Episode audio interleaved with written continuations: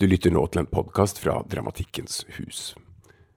Den 8. november 2018 arrangerte vi et podkastseminar med flere foredragsholdere. Det du nå skal få høre, er et av foredragene fra seminaret, og det er komponisten Henrik Helstenius med foredraget Nye lyttestrategier. God fornøyelse. Altså, Mitt navn er Henrik Estenius. Jeg er komponist og professor i komposisjon på Norges musikkhøgskole, så jeg driver en del med undervisning i tillegg til at jeg komponerer ting selv. Jeg har skrevet uh, operaer. Jeg har jobbet med, som Morten faktisk da instruerte den første. Uh, og jeg har jobbet med uh, mye med teater. hvor jeg har laget hva jeg kaller liksom tradisjonell teatermusikk, altså musikk som skal uh, fungere dramaturgisk i forhold til, uh, til teatret, og på teatrets premisser, hvor teksten naturligvis og handlingen er, er, det viktigste. Men jeg har også de siste årene nå prøvd å jobbe mer med dette ut fra et musikalsk perspektiv og ut fra et kompositorisk perspektiv, slik at jeg på en måte uh, tenker nå mer og mer tekst på vranga i forhold til hva de fleste her tenker, nemlig at det er musikken som er det viktigste, og så er det teksten kommer etterpå. Eh, og Det er litt det vrengte bildet jeg kommer til å på en måte presentere i dag. Eh, først og fremst så skal jeg snakke om lytting. og Jeg skal snakke om å lytte på musikk. Eh, det er viktig å si musikere og komponister. Det som er vårt fremste verktøy, er jo faktisk ørene. Altså, man tenker jo ofte at Musikere er liksom veldig virtuose og de kan spille. og Leif Ove Hansnes spiller ekstremt flott på piano, og sånn, men det er klart at ørene, lyttingen, er det primære. Du lytter på deg selv som musiker, du lytter på deg selv i samspill med andre. Komponisten lytter på sin egen musikk i ferd med mens man komponerer den. Da er den kanskje bare på papir eller i, høy, i høyttalere. Og naturligvis i samarbeid med musikere når den skal fremføres. Så lyttingen er det primære verktøyet for komponister og, og musikere. Så jeg mener at vi kan litt om det å lytte. Vi, liksom, vi kan en del om det. Eh, det betyr ikke at vi er eksperter på alt av det, og det er mange ting som, ehm, som i dag er interessant. Jeg skal prøve å komme inn på Det Det jeg skal prøve å snakke om i dag, er Jeg har eh, en slags tese om at eh, det å lytte på musikk, selv om veldig mange, og helt sikkert dere, også gjør det veldig mye, så mener jeg kanskje at det er en del aspekter av det å lytte på musikk som ikke alle eh, er liksom jeg hater å bruke ordet 'trenet', men sant, at man kanskje ikke er så innforstått med. Og at det fins aspekter i det som fins i musikken, som lyttere kanskje ikke får tak i. Fordi man kanskje ikke har begreper om det, eh, kanskje ikke lytter på den måten. Jeg skal, da, jeg skal prøve å introdusere fire måte, begreper som ikke er spesifikt musikalske, men som presumptivt kan gi dere og oss en mulighet til å lytte på aspekter ved musikken som man ikke har hørt før. Men sant, er det sikkert noen av dere som har gjort dette før, og, sånt, og da blir det repetisjon. Men for de som ikke har opplevd det, så håper jeg at dette er noe som kan gi en slags ny opplevelse av noe av det musikalske. Jeg har med en sånn. altså, Først tenkte jeg skal snakke litt om lytting. Altså, Lytting er et kjempesvært område. Hvordan lytter vi? Det er, det er, en enormt svær del av vår persepsjon er å lytte. Um, så det jeg sier nå, er veldig sånn grovskisset, men det er bare liksom for at jeg tar, tar, noen veldig enkle begreper om, om lyttemodig modus for å lytte. Og det første, Nå må dere unnskylde meg, nå var det veldig bra at dere hadde et internasjonalt, for jeg hadde utrolig dårlig samvittighet for at jeg ikke oversatte dette til norsk. for dette kom fra en forelesning alt på engelsk. Men i hvert fall. Eh, den første modun, modien eh, av lytting er hva vi kunne kalle kanskje hverdagslig lytting. da. Og Der vil jeg ta begrepet fra vår forrige foredragsholder. Kanskje vi egentlig snakker mer om å høre.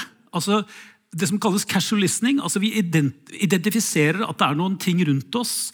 Det er noen objekter rundt oss, det er noen personer rundt oss. altså Vi identifiserer det som finnes rundt oss, ved å høre. Vi kanskje lytter ikke spesielt på det. altså Vi har ikke noen konsentrert lytting, men vi hører en omgivelse.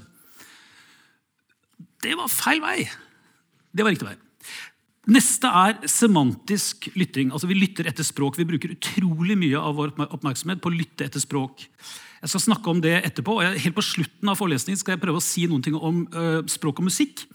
For det interesserer meg, og jeg skulle egentlig si fra Morten at Dette er antageligvis noe som det kommer til å bli mer om i noen seminarer senere, så jeg skal bare touche inn på det.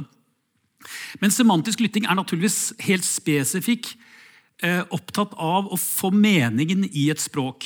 Og så prøvde jeg å finne ut av Hvilken type språk annet enn liksom verbalspråk er det vi har.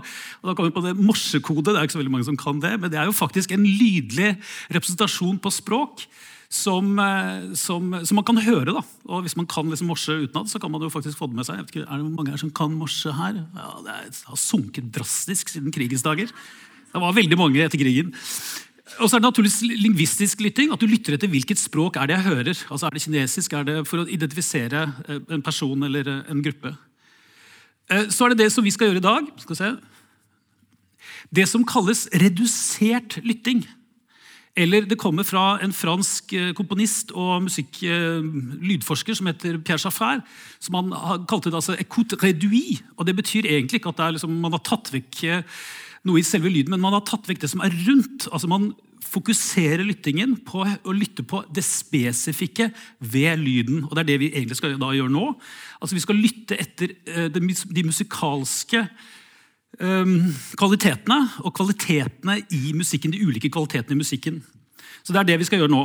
Og Så er det en siste uh, og kanskje litt sånn uh, for dere kanskje ikke så eh, revolusjonerende kategori. Eh, og Det er den som, kaller, som, jeg kaller kontekstuell lytting. Dette relaterer seg litt til i den, nyere, i den nye musikken så arbeider man mer og mer med eh, andre objekter som en del av musikken enn bare liksom, musikkinstrumenter og sangstemmer og sånne ting, eller elektronisk lyd. Man inkorporerer lyden, hverdagslig lyd, man jobber med video, man jobber med til og med også bevegelse som en del av lyd.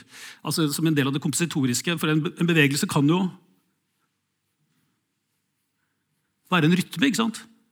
Så jeg kan jo jobbe med det, og så kan jeg jobbe med ka, ka, ka, komposisjon kom ut der. Bitte liten komposisjon.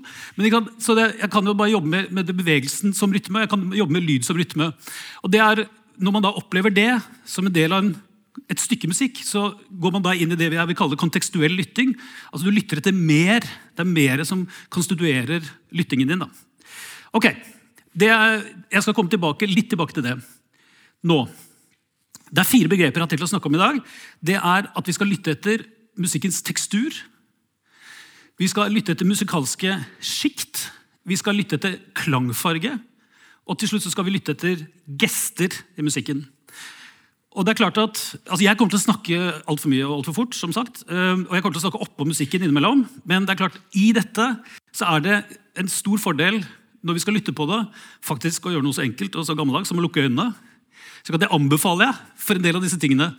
Eh, at dere faktisk da uh, lukker øynene. Ok, så Det første vi nå skal lytte på, er og hele, hele, liksom hele dette skal man si, begrepsapparatet som jeg bruker i dag, er altså da ikke spesifikt musikalsk. Det er jo hentet termer fra, fra det visuelle. Uh, og på en måte så er liksom analogien, Bildet mitt er at nå lytter vi på musikken som om den var i rommet. Som det var et objekt i rommet og på en måte undersøker kan jeg da høre musikk på en annen måte uh, hvis jeg lytter på den med dette perspektivet. Så dette er et slags form for verktøy. Så Det vi da, nå skal prøve å lytte etter, er da ulike teksturer. Og Jeg har med meg da masse lydeksempler, masse korte, relativt korte musikkeksempler med forskjellig sjanger, som på en måte skal kunne gi oss en mulighet da, til å høre etter forskjellige kvaliteter. Det første er en tekstur. Og dette er et stykke av Josef Hayden, uh, 'Skapelsen'. Uh, og Dette var et, et, oratorium på en måte da, som Hayden skrev, å, som, som, jo på en måte beskriver altså det som er hentet fra teksten i, i, Bibelen, den første delen i Gamle Testamentet. Og Det første da, som er i Gamle Testamentet, er jeg vet ikke om det er mange som leser det hver dag, men der er det jo, Starten er jo at det er kaos. Det er jo kaos før Gud kommer. Eh, og Det vi da skal høre nå, dette er da kaos anno 1700-tallet. Det høres ikke så kaotisk ut for oss. Men det poenget, det vi skal høre etter, er at denne teksturen her, med unntak av en liten sånn pauke, som kommer innimellom, så er dette her en veldig glatt tekstur. Det er som jeg pleier liksom å sammenligne med at det er nesten som du holder hånden din over en, eller tar hånden din over en marmorplate og bare kjenner sånn glatt overflate. Ok,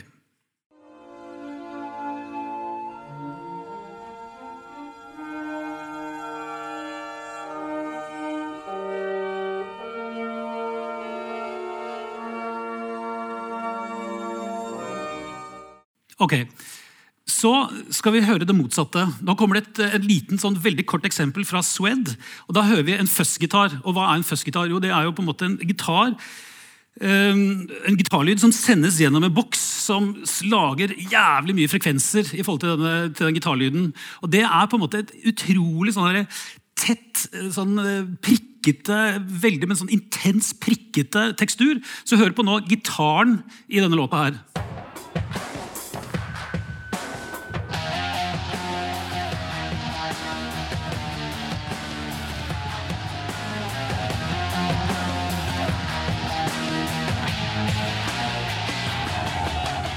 Ok, så, så, den der teksturen den inneholder altså veldig mange veldig sånn tette prikker. Hvis vi da tenker at liksom, Man kan tenke seg at liksom, man tar alle disse prikkene ut og lar de være alene i noe som er tett, men hvor det er mulig å høre liksom, litt mer enkeltbestanddelene i, i prikkene her.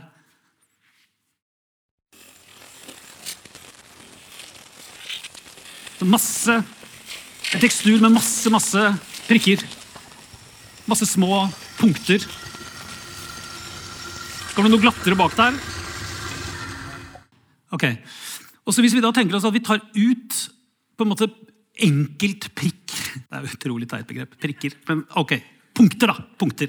Man tar ut enkeltpunkter av dette og gjør det slik at du kan høre kvalitetene på de forskjellige punktene. slik at hver enkelt prikk eller punkt da har en tydelig farge, som er forskjellige typer farger. Det er ulik størrelse. Så kunne man tenke seg at man kunne få en sånn musikk som dette, som er eh, tatt fra kammerkonserten til eh, Georgie Ligeti, en av de store komponistene etter krigen.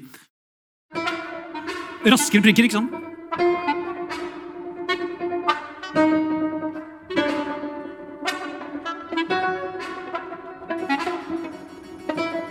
Raske prikker, en annen farve. Det en, og det er på en måte, Denne type musikk er sånn at det er ikke så veldig stor poeng å liksom lytte etter hvor var melodien her. skal se, hvor var melodien her? Hva var egentlig beatet? Så poenget her er at Skal man på en måte ta inn denne musikken og Dette er jo et eksempel på en av de, liksom, de store komponistene. Dette er, slags, dette er en Picasso på en måte i kunstmusikken så er, måte, så er, vi nødt til å lytte etter disse kvalitetene. Vi er nødt til å liksom orientere oss på en annen måte. Eh, og de fins der, naturligvis, med, med denne type lytting. da, mener jeg.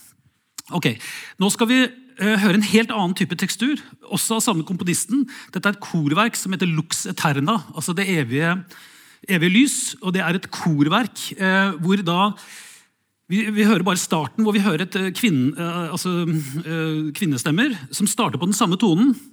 Og så begynner de å dele seg. Og på en måte Det jeg tenker denne teksturen, teksturen her er, er en slags sånn lydlig representant på en vev. Altså, Jeg har jo da på meg en veldig flekkete dessverre, genser i dag. Den er faktisk veldig flekkete. Altså sånn flass på skuldrene. Men den er en vev. Og den, det som er med denne veven her, er at den er, Ingen av de som sitter bakerst her kan se at det er noe mønster i denne genseren. men det er da altså et slags mønster. Men her er det altså en sånn type vev. Dette er en homogen vev, fordi trådene i denne veven er helt likt farget. Og så er den for så vidt nesten samme tykkelse. Så det vi skal høre nå, er en slags form for homogen vev, hvor stemmene starter på den samme tonen, og så beveger de seg ut i et slags form for vevsmønster. Men det er ikke noen solister. Det er ikke én som, liksom, som peker seg ut. så en, Alle stemmene er på en måte likeverdige da, her.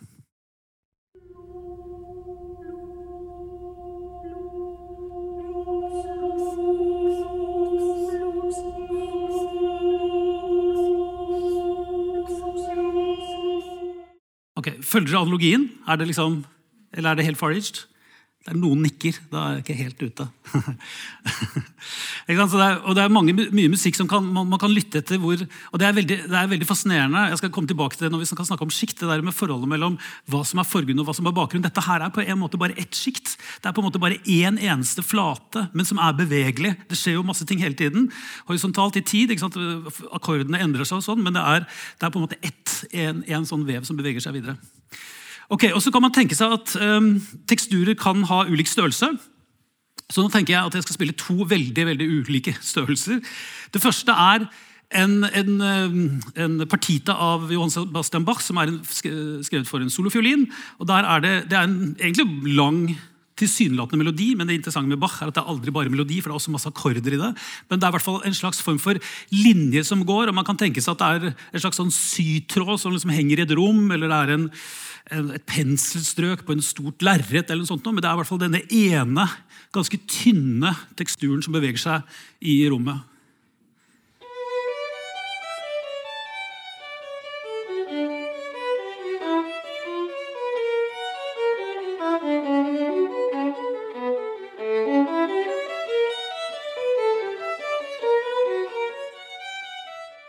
Det er ganske fint.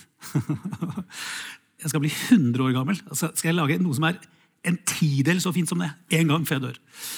Det neste er akkurat det motsatte. Det er et, et bitte lite utsnitt av et orkesterverk av Arnold Schönberg, en av denne store komponistene som, eh, som, er på en måte den atonale musikkens far. på en måte Han som eh, startet med å skrive ren atonal musikk. Eh, dette er før den perioden. og dette, først og fremst så lytter vi på dette her, For dette her er en lasagne av musikk. Det er jævlig masse ting oppå hverandre. Det er liksom Nederst er det, er det bechamelsaus nederst. Nei, det er kjøttsaus nederst. er det.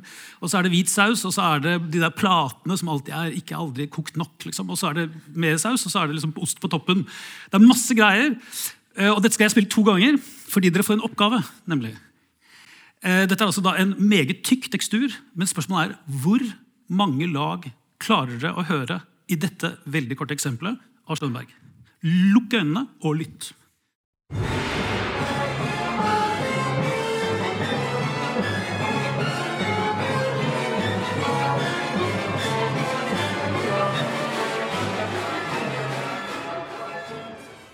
Ok, Slutten er enkel, for der samler det seg. Men det er i begynnelsen som er vanskelig. En gang til. Hvor mange lag?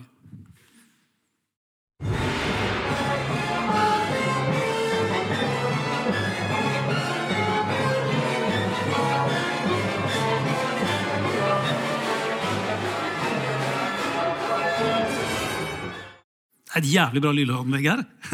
Veldig bra. Her hører man absolutt alt. Ok, Hvor mange lag? Du på bakerste rad. Peter, har du fulgt med i timen? Nei, ingen som ville. Ok, Det er jo eh, det er faktisk veldig mange lag her. Altså, egentlig kan man si at det er opptil syv. Hvor mange vi klarer å høre, er veldig individuelt. Eh, eh, det som er interessant, er ikke egentlig hvor mange lag det er det er å lytte og høre at det faktisk er jævlig mange lag som går samtidig. For i motsetning til språk så kan vi faktisk si flere ting samtidig i musikk. Uh, og det er fryktelig vanskelig. Noe, altså det å lese, Jeg traff en gang en fyr jeg holdt en forelesning dette for mange år siden, det var en fyr som da sa nei, det er ikke riktig, for jeg har leser faktisk to bøker samtidig. Så tenkte jeg ok, hva med å begynne med tennis eller noe annet? Det tror jeg gir mer mening. Lese to bøker samtidig! What's the fucking point? Ja, ikke sant? Men uh, han mente det. Men i hvert fall, her er det mange lag som ligger oppå hverandre. Uh, og vi pleier å si sånn for det, det, altså, Omtrent fire-fem stykker klarer vi liksom å identifisere. Uh, her sånn, Og så er det et par-tre til antageligvis, som liksom, blir for som sauset sammen med bechamelsaus helt bakerst der, som vi ikke klarer å få til. Og Når Bach, den store komponisten Bach skriver Eh, sine, fler, altså sine polyfone verk med flere stemmer, så skriver han sjelden mer enn altså maks fire, kanskje fem forskjellige stemmer. For det er flere enn det er vi ikke i stand til å identifisere eh, som selvstendige stemmer. Men da skal vi faktisk over på det neste eh, greiene som neste er sjikt. Altså det at ting ligger oppå hverandre. Og det er jo i musikken sånn som det er i det visuelle, at vi hører ting nærme, eh, og vi, ting er lenger unna. Og hvis det er ett ett ankepunkt jeg har mot det som man kan kalle en veldig stor og veldig upresis sekk, sekk for pop, og en del rock'n'roll også, er at det er veldig statisk relasjon mellom sjiktene. Altså, du har stort sett et bass-trommegreie som ligger liksom der hvor den alltid ligger. og Så har du noen akkordinstrumenter, og så har du en sanger som ligger et eller annet sted i forgrunnen. Stort sett alltid i forgrunnen. Og Det er ingenting i selve musikkens natur som tilsier at sjiktene behøver å være så statiske. Det er veldig mye musikk hvor ting på en måte kan være en forgrunn, og så går det tilbake i en slags form for bakgrunn, og så kommer det noe annet som er forgrunn, og så, sånn beveger det seg mellom forgrunn og bakgrunn. Sånn som det kan gjøre i en film, sånn som det naturligvis gjør i teater, hvor man jobber med de forskjellige sjiktene.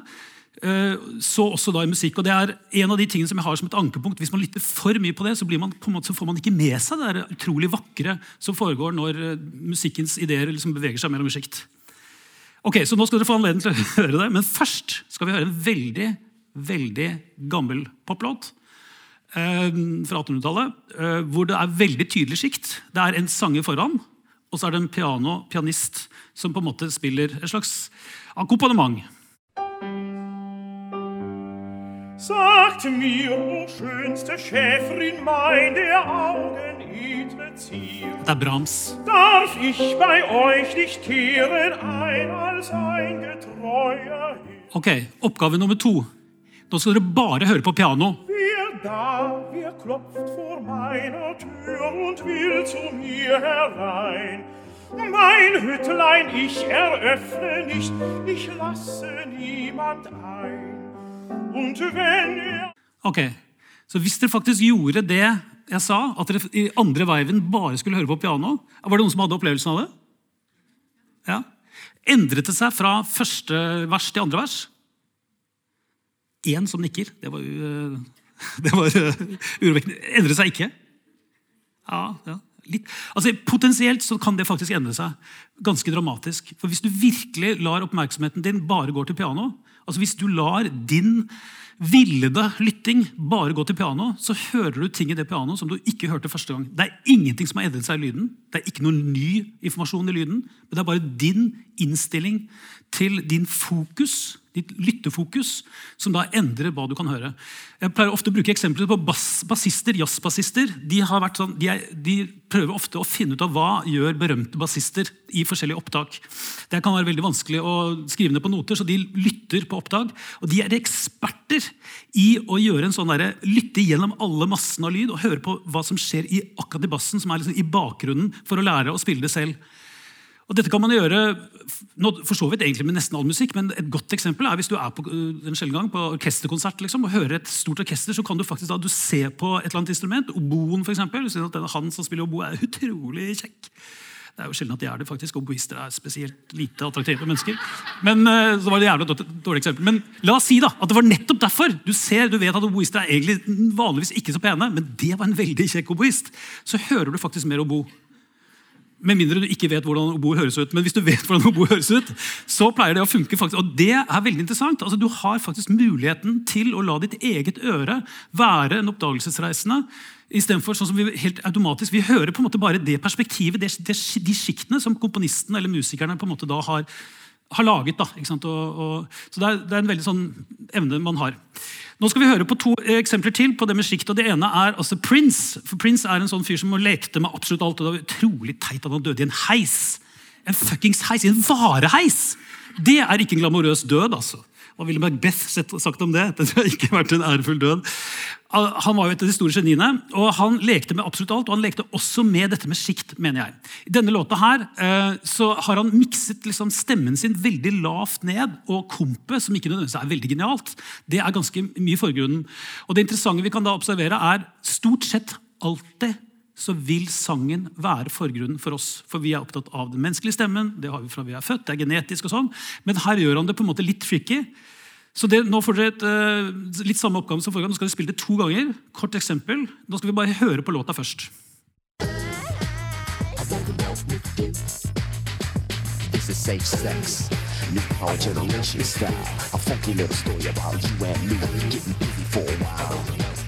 From the tip of my typhoon to the bottom.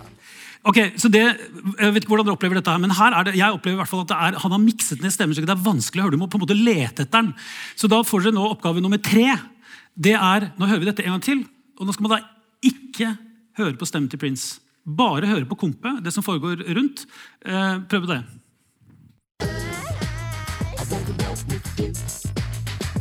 This is safe sex. New our generation style. A funky little story about you and me getting busy for a while.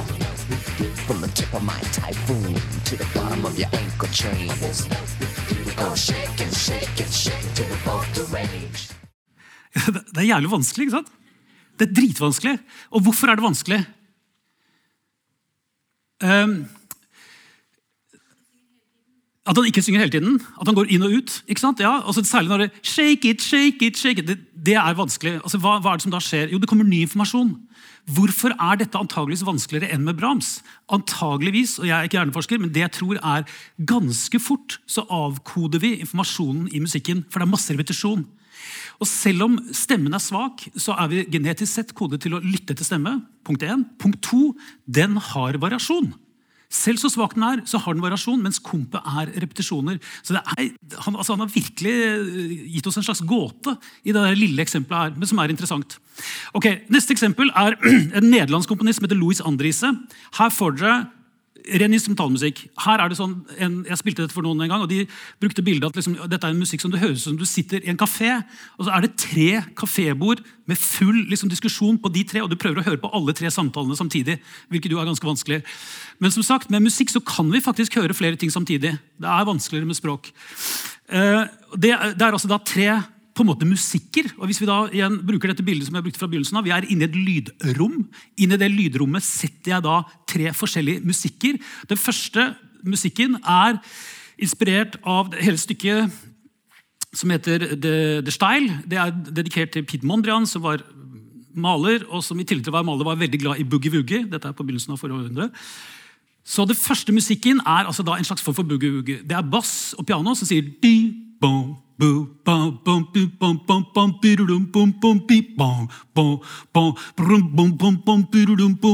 og så går den videre. Og så er det musikk nummer to er saksofoner og noen andre blåsere som, som driver og hakker på den måten at de sier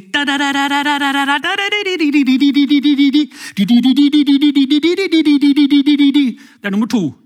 Og Så kommer musikk nummer tre, som legger seg oppå dette her, og det er altså kvinnesang med noen fløyter og noe sånt, som synger da på gammelgresk, hvis det er noen som kan det. Eh, vanskelig å få med seg, tror jeg. det er. Men de synger da Byra, lange toner, oppå det andre by, byram. Så disse tre musikkene blir da satt inn én etter én, og så lever de samtidig i dette lydrommet. Så oppgaven deres nå er Lytt på hver en, og så bare prøv å observere hvor, hvorvidt dere klarer å høre alle tre samtidig, eller om det er noen som stikker seg ut. Ok. Here comes Louis Andrisen, The Style.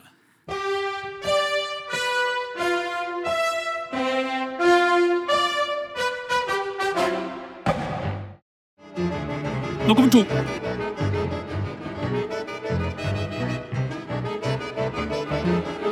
Nummer tre.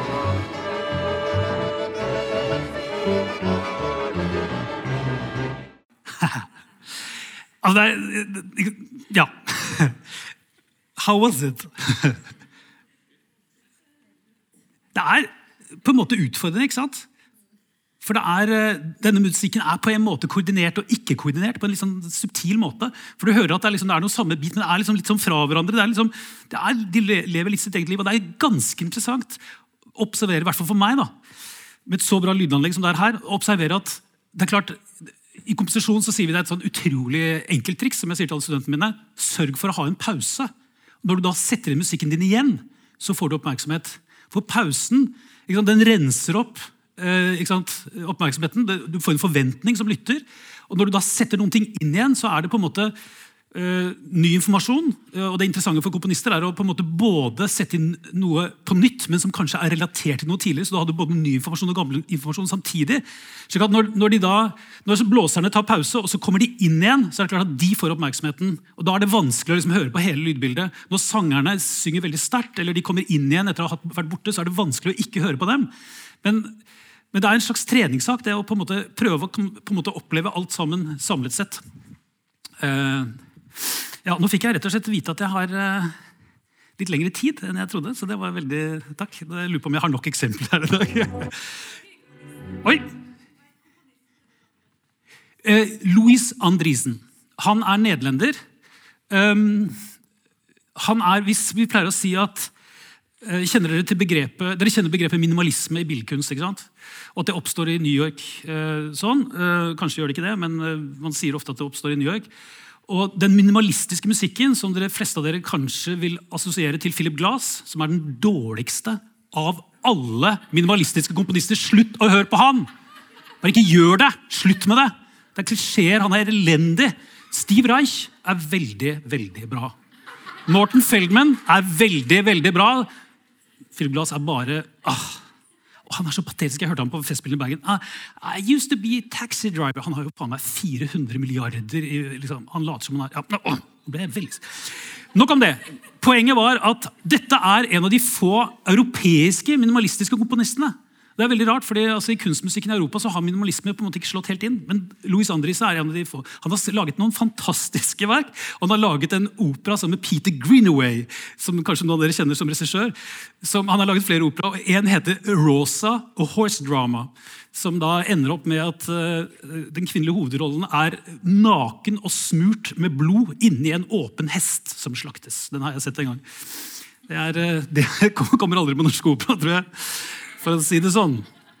Men nå skal vi høre et eksempel til på sjikt. Dette her er en vidunderlig, fantastisk anledning til å observere at musikk er kanskje det beste speilet for den ubevisste delen av mentale, eh, våre mentale prosesser. Altså Sånn som jeg har det, og som jeg er sikker på at dere også har det, er at når jeg ikke tenker på noe spesielt, så kommer det alltid tanker opp. Det kommer minner, det kommer assosiasjoner. Og de minnene og assosiasjonene de avløses hele tiden av nye minner, assosiasjoner, tanker, ting jeg skal komme på. Og sånn Og sånn går det ubevisste eller delvis bevisste. Jeg har ikke noe kontroll på det. Det er bare det er kverna inni huet. Dette er det jo vanskelig på en måte å, og Det som er interessant med den, tenker jeg er at det er klart at hvis jeg plutselig kommer på at jeg skal, er det min tur til å lage middag i dag, ikke sant? Mens jeg egentlig satt og tenkte på en, en, en, ny genial idé for akkorder i min komposisjon, så er det klart at det med middagen får da forgrunnsstatus i forhold til disse akkordene, som da plutselig blir litt mindre viktig akkurat da. Men det kommer tilbake igjen etterpå. slik at Der blir det et skifte mellom hva som er forgrunn og bakgrunn i min bevissthet. Og I det stykket vi skal høre nå, som er 'Metamorfoser' av Richard Strauss, der mener jeg at vi kan høre denne, ikke akkurat denne, naturligvis, det er ikke noe avbildning av det, men vi kan høre en prosess hvor ideer, musikalske ideer kan starte et eller annet sted i bakgrunnen, komme, få en forgrunnsstatus, gå tilbake i en slags form for masse, hvor det kommer en ny idé frem. slik at Det er hele tiden en veldig dynamisk bevegelse mellom hva som er forgrunn og bakgrunn. Det er skrevet for og nå er jeg litt usikker om det er 17 solostrykere, altså strykeinstrumenter, fiolin, bratsj, cello og kontrabass. slik at Det er en ganske stor masse av musikere, men de er solister. Det betyr at det kommer frem altså da liksom enkelthendelser som tar forgrunnsstatus, og så går det tilbake, og så dannes det kanskje noen mellomgrunn- og bakgrunnsstrukturer, og så er det en, hel, en veldig dynamisk eh, en eh, bevegelse her. Så underet nå Lukk øynene. Dette stykket varer 30 minutter. Dere skal få ikke 30 minutter. Jeg fikk ikke så lang tid. Men dette her er virkelig verdt å sitte helt stille med hodetelefonene på, på en god innspilling på Spotify, iTunes eller til og med en CD. hvis man har det, Og bare bruke 30 minutter, for dette er skikkelig psykedelisk opplevelse med lukkede øyne. Nå får dere bare en liten bit av det.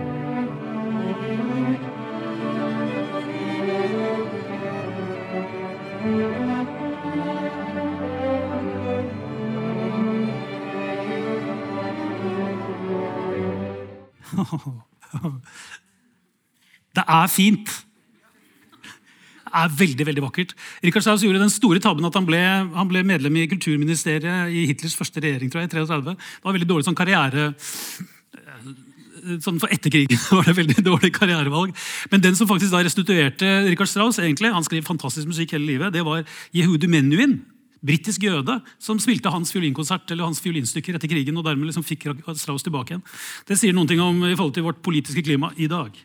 Ok, så Dette er, um, dette er sikt. Nå skal vi gå til neste, um, som er kanskje litt mer uh, dette, er jo, dette er kanskje det eneste liksom, begrepet jeg har som er kan man si, musikalsk, hentet fra den musikalske verden. For vi sier at det fins en farge på lyd. Det tror jeg vi alle på en måte kan være enige om. Vi sier at Det er ulik farge på ulike instrumenter eller ulik elektronisk lyd. Den har ulik farge. Akkurat hva slags farge det er, vi kan ikke si det er rød og grønn, og sånn, fordi den type presise språkbruk har vi ikke. Som vår forrige taler snakket om. Vi har ikke så presis språkbruk på musikk. Det er tross alt en abstrakt størrelse. Men det vi kan si er at komponister og musikere alltid har vært veldig opptatt av å jobbe med fargen på lyden, fargen på musikken, som en del av det kompositoriske, en del av fremføringen. Uh, Når Miles Davis begynner å putte en mute inn i trompeten, hvor, hvor trompeten får en sånn litt sånn metallisk klang, så er det en klangfargeendring av trompeten. Og etterpå det så har det kommet altså en trillion med trompetister. Vi har jo selv sikkert 150 av dem med Nils Petter Vollvær og Arve Henriksen og sånn, som spiller med mute. Det, alt, det kom fra Miles Davis. Og Det er en klangfargeendring i trompeten. Trompeten sånn uten den muten har en ganske sånn direkte fanfareaktig lyd. Og med den muten inne så blir det da denne litt, sånn, litt spisse, litt sånn lukkede lyden. Altså alle, All klangfarge i musikkinstrumenter er egentlig knyttet til hvordan overtonemønsteret i, i, instrumentet er. Og Overtoner er rett og slett Hver eneste tone har eh, hver eneste svingende tone har overtoner i seg. Og så er det ulik fra en klarinett til en obo til en gitar, og de forskjellige effektene på en gitar, og hva, hvilke av disse overtonene som er sterke. Altså overtoner, det, Dette har dere sikkert hørt, og jeg er ikke så jævlig flink til det, men jeg kan bare vise Ved å synge en tone og så kan jeg prøve å filtrere med stemmen, så hører man at det er faktisk da ikke bare den tonen i denne ene tonen, men det er altså da flere toner, som vi da kaller overtoner.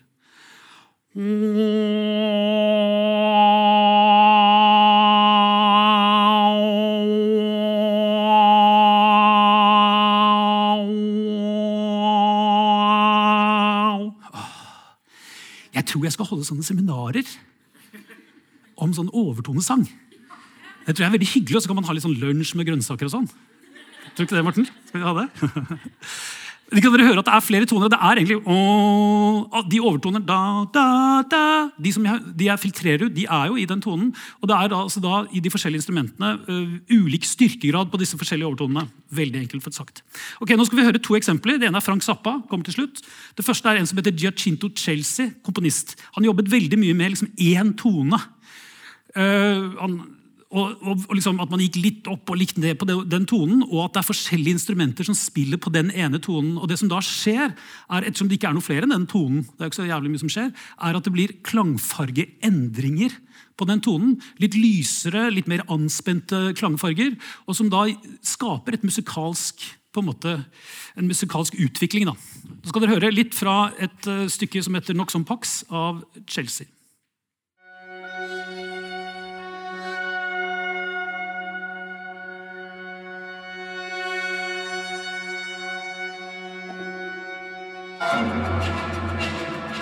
Ok. Det, er litt sånn der, det er litt sånn drill å høre på dette. her. Men, men, jeg bare håper at det gir et slags følelse av at Og dette er ganske subtilt. altså egentlig denne musikken her, Det som kommer nå, er mye mer tydelig. egentlig, Men jeg bare ville spille det fordi det er veldig subtile nyanser, men de er veldig meningsbærende faktisk, Og det skjer ingenting egentlig veldig på rytmisk. Det, det, skjer naturligvis på dynamikken, at noen ting blir sterkere. Det er viktig, at ting blir sterkere. Men egentlig, det som da skjer, er at en av disse klangene er kanskje mer anspent enn den andre. Og det er en av de, altså den store, kan man si, den enkleste og mest liksom rudimentære basisen i musikk er forholdet mellom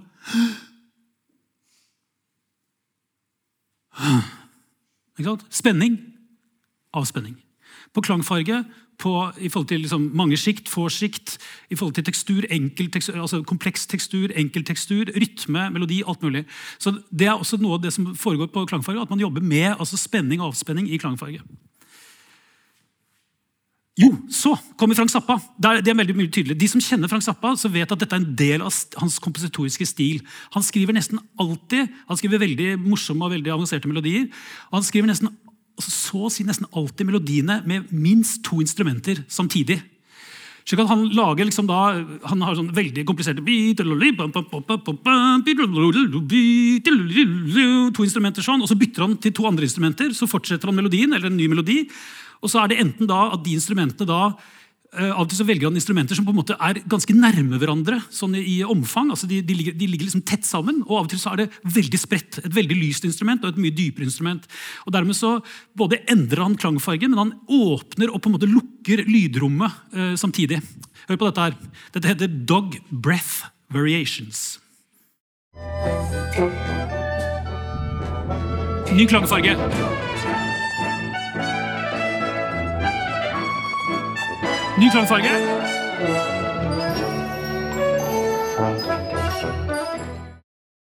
Sånn. Neste. Var det, var det kryptisk? Nei. ikke sant?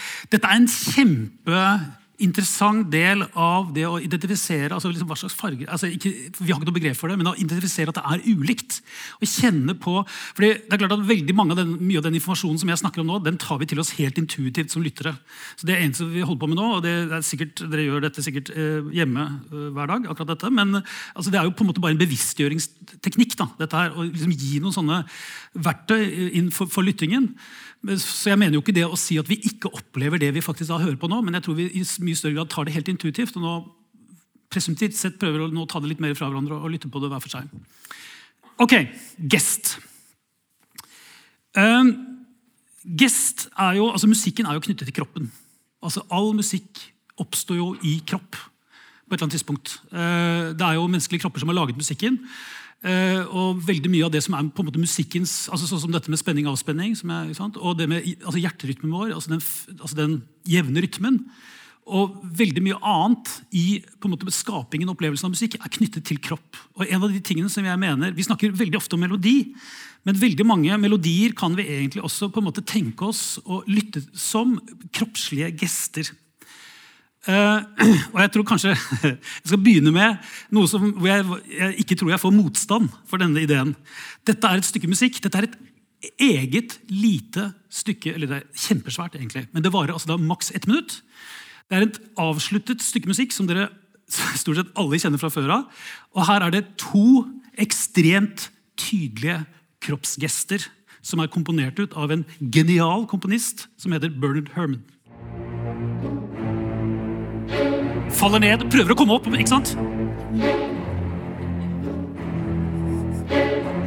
Og nå hører vi Kommer ikke til å klare å reise seg.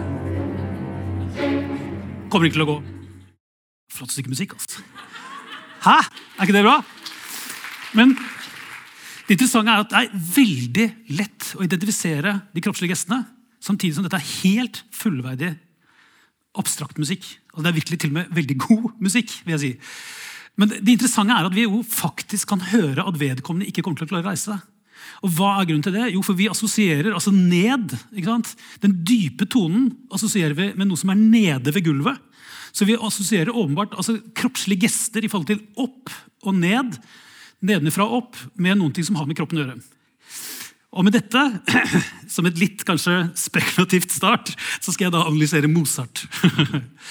um, fordi um, de klassiske komponistene, Nå, vi, nå får dere to klassiske komponister etter hverandre, Mozart og Beethoven. Og så skal vi snakke litt om uh, musikk og tekst etterpå. Uh, de jobber på en måte med melodier, men veldig mye av den musikken som Mozart har skrevet, mener jeg også er på en måte en intuitiv altså, komponering med det gestiske. Og da mellom spenningen mellom hva som er, går opp, og hva som går ned. For da er jo det som går opp, har naturligvis en slags form for spenning i seg. og Den fysiske kroppen vet at det er vanskeligere å holde seg oppe enn å bare legge seg ned. Det er jo en type avspenning. Og det, Så lenge hvis vi da spekulativt sier at dette er en slags link, at vi opplever det, så mener jeg at Mozart jobber med dette. Dette er fra en klaverkvintett i g-moll, og temaet er todelt. og det går sånn. Første delen går dim, dom, dom, di, rom, dom. Så det begynner oppe, bim, går ned, bom, løfter seg litt opp, sånn som Hitchcock. Dyrom, bom, og så går den ned igjen. Så dim, dom, dom, dyrom, dom. Første tema. Andre tema. Det begynner nede, går opp, og så triller det ned. Det sier dam, bam, bara, bom, barom. Ok, Så begge temaene ender nede.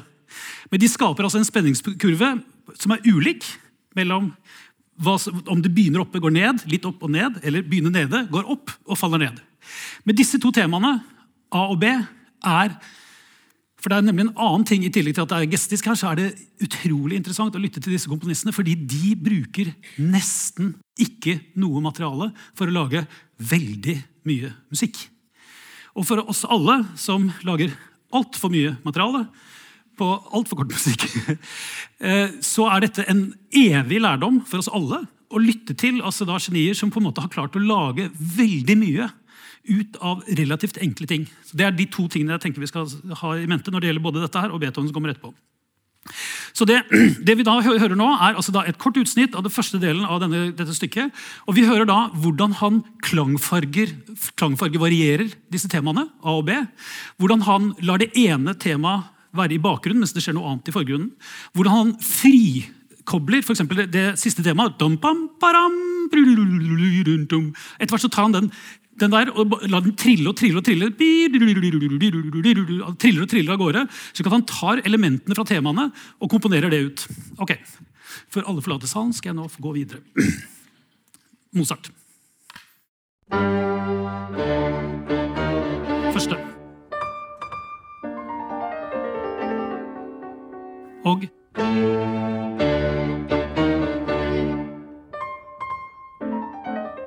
Ok. Dit, bare så, nå skal vi da gå videre og høre på Beethovens eh, åttende symfoni. deler av Den den har da to skal man si, gester, eller kanskje man nesten kan, kan si objekter. For her er det mer snakk om et punkt og en linje. Beethoven, det i hvert fall alle kjenner til Beethoven, er ikke sant? Femtesymfonien. Beethoven var ekstremt opptatt av disse punktene. altså på en måte aggresjonen, kanskje ikke aggresjonen er riktig, men energien i det å sette noe fast. Men han er også en, en, mester i da å komponere med det som er resultatet. altså Du kaster en stein i vannet, og så kommer det ringer. Du sier til bestevennen din 'jeg hater deg', og så, og så masse følelser etterpå. En ur, en ur ja, Dette er en slags urform. ikke sant? Forholdet mellom energien og på en måte eh, skal man si, konsekvensen av energien. Og det, I dette stykket så er det på en måte punkt og linje. Det er de to, jeg vil si, det er de to elementene, eh, de to gestene, eller de to eh, objektene, som er spillet i, dette, i begynnelsen av 8. symfonien. Ok, så Nå skal dere høre den. Og jeg kommer til å blable litt og, og gestikulere litt.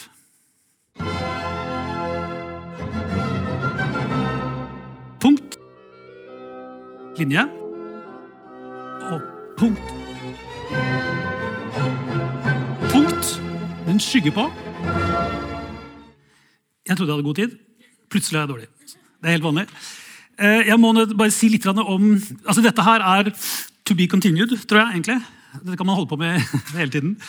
Uh, dette er på en måte en skattkiste da, som, uh, å utforske. For de fleste dessverre, så er dette, altså denne type musikk klassisk musikk, er litt sånn der, uh, hvite pingvinfrakker i konsertsalen. men it's, it's, more to it. Det er bare det jeg sier. Ok, språkmusikk. det blir kort, men vi, it's to be continued. Altså For komponister så er det å jobbe med språk en veldig interessant ting, men samtidig en veldig vanskelig ting. Jeg har Ettersom jeg har jobbet med teater, så har jeg jo opplevd det veldig tydelig at det er Og dette vet vi alle. altså Språk er et sem semantisk system av tegn. Det samme er visuell, Det fins visuelle tegn rundt oss, og det fins musikalske tegn. og akkurat nå har vi prøvd å liksom lytte etter de musikalske tegnene. Hva er det som gir mening i musikk? Og vi lytter etter liksom de forskjellige tingene. Punkt og linjer og hva vi lytter etter.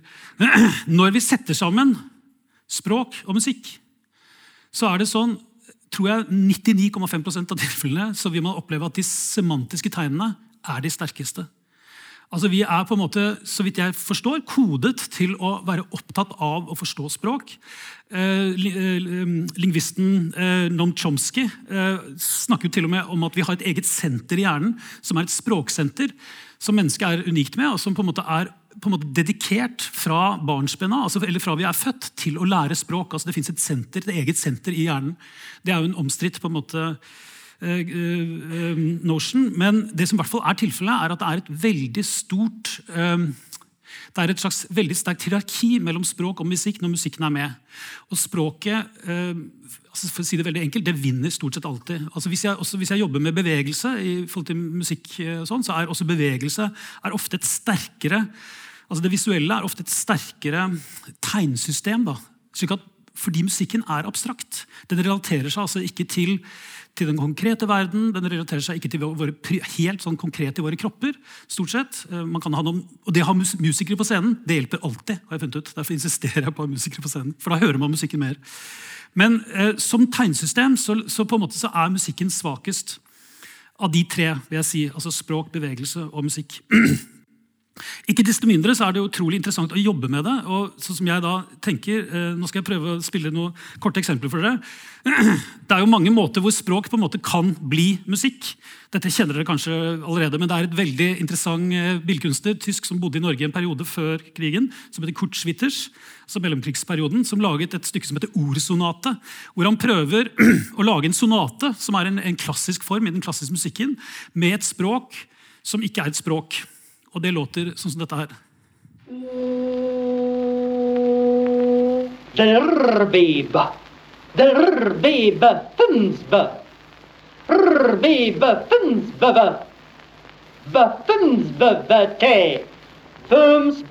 Ok, Er det noen, er det noen som kjenner fra før av? Ja, ikke sant? Og Dette er et kjempeviktig stykke, fordi eh, det er jo en del av dadaismen. Men det er viktig fordi det utforsker på en måte hva er språk, hva er musikk. Og Det er jo ikke egentlig et språk, men det er definitivt språklyder. En fransk komponist som heter George Apergis har gått noe tettere på språket. Dette er altså et stykke for en sanger som heter recitation. Eh, og Selv her er ikke språket egentlig meningsbærende, men det er veldig på en måte tett på det meningsbærende. Vi, ta vie, l'eau ta vie, sans l'eau ta vie, absolument ta vie, détape selon ta vie, il détape selon ta vie.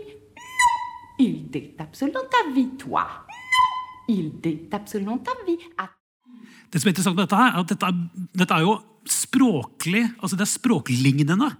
Eh, og det er på en måte også emosjonelt, på en måte, med det der, dette mennesket eller barnet som sier nei. Men så er det også veldig musikalsk, for det er repetisjoner. Og det er frasene blir lengre og lengre. Og det er en slags sånn utsirkling av forskjellig type materiale. Så det er på en måte både noe som er språklig, og på en måte noen ting som er eh, eh, som er musikalsk. Det er en interessant ting for komponister da, å jobbe med språk. Eh, på de, også på denne måten fordi man kan jobbe med kompositoriske prinsipper inn mot det språklige. Og jeg mener jo ikke at man ikke kan jobbe med semantisk betydningsfullt språk, men å jobbe med det kompositorisk er veldig interessant. Nå skal dere få høre, Hvis jeg får to, så skal dere få høre to eksempler til. og Det siste er faktisk av meg selv. Um, men det første er et stykke av Peter Ablinger, tysk eh, østerriksk komponist. Han har skrevet eh, en serie med stykker som heter Voices and Piano. Hvor han tar opptak av stort sett veldig kjente personer, og så transkriberer han. at Han skriver av liksom disse opptakene og skriver da musikk for piano, som er en slags form for Mickey Mousing. Altså Litt sånn som jeg holdt på med musikken her og driver og peker og sånn. Det er jo en slags Mickey Mousing. Det er, det er helt det samme. Slik at musikken og, og talen går parallelt. Og da er det jo igjen oppgave nummer hvor mange har kommet til nå? fem. For dere er Klarer jeg å høre både på det semantiske, altså på innholdet Det er Bertolt Brecht som snakker antageligvis foran denne kommisjonen i USA. eh, og forklarer hvem han er, hvor han bor og hva han har holdt på med. i et gammelt opptak. Går det an å høre både på hva han sier, men også på musikken? Eller er det sånn at det semantiske tar helt overhånd? Eh, dette er jo da pling-plong-musikk, så dere må tåle pling-plong. da. My name is. I'm living at the 34th West 73rd Street, New York. I'm born okay. Det er litt sånn som med Prince. Det er vanskelig. Eh, fordi Når han sier 'Hitler came to power', det hører jeg. Da er musikken helt borte. Men er det mulig å liksom også, også ta inn det musikalske? Ta inn det pianogreiene, eller, er liksom, eller går man primært mot mening? Fokuserer vi på infoen, altså den semantiske meningen? eller liksom, hvordan går det sammen? Men det er hvert fall, jeg, jeg mener ikke at vi skal ha noe, men det er en interessant ting, og For komponister og musikere så er det ganske frustrerende. Men det vet dere sikkert som jobber med det. Altså at man er, øh, nå tror jeg, er, jeg tror vi da egentlig ikke får spilt min musikk. Ok. Ok, den var billig, men eh, Dere er så høflige, vet du. Ok, Veldig kort. Eh, Dette stykket heter, eh, det er fra et, et stykke som heter Instrument of Speech. Eh, Dette er siste sats, som heter Babel. Og det som sier seg litt selv, hva er det da? Altså Der er språket er veldig mange forskjellige språk. Egentlig brukt primært som klang. Så dette er også en måte å bruke det på. Jeg bruker det som klang. Rytme. Ikke primært som semantisk mening, men det kommer et lite, lite, lite kutt fra Lalla Carlsen i en av disse Støv på hjernen-filmene. et eller annet sted inne der, tror jeg. Есть треугольник АБЦ, который равен Regarde. De la part. Вы же не станете спорить, что... Dermed tok vi livet av Lalle Karlsen. Så det, dette er en måte jeg jobber på da, eh, i, i forhold til liksom, å integrere det, det språklige inn i det kompositoriske. Takk for meg. Du har hørt en podkast fra Dramatikkens hus 2020.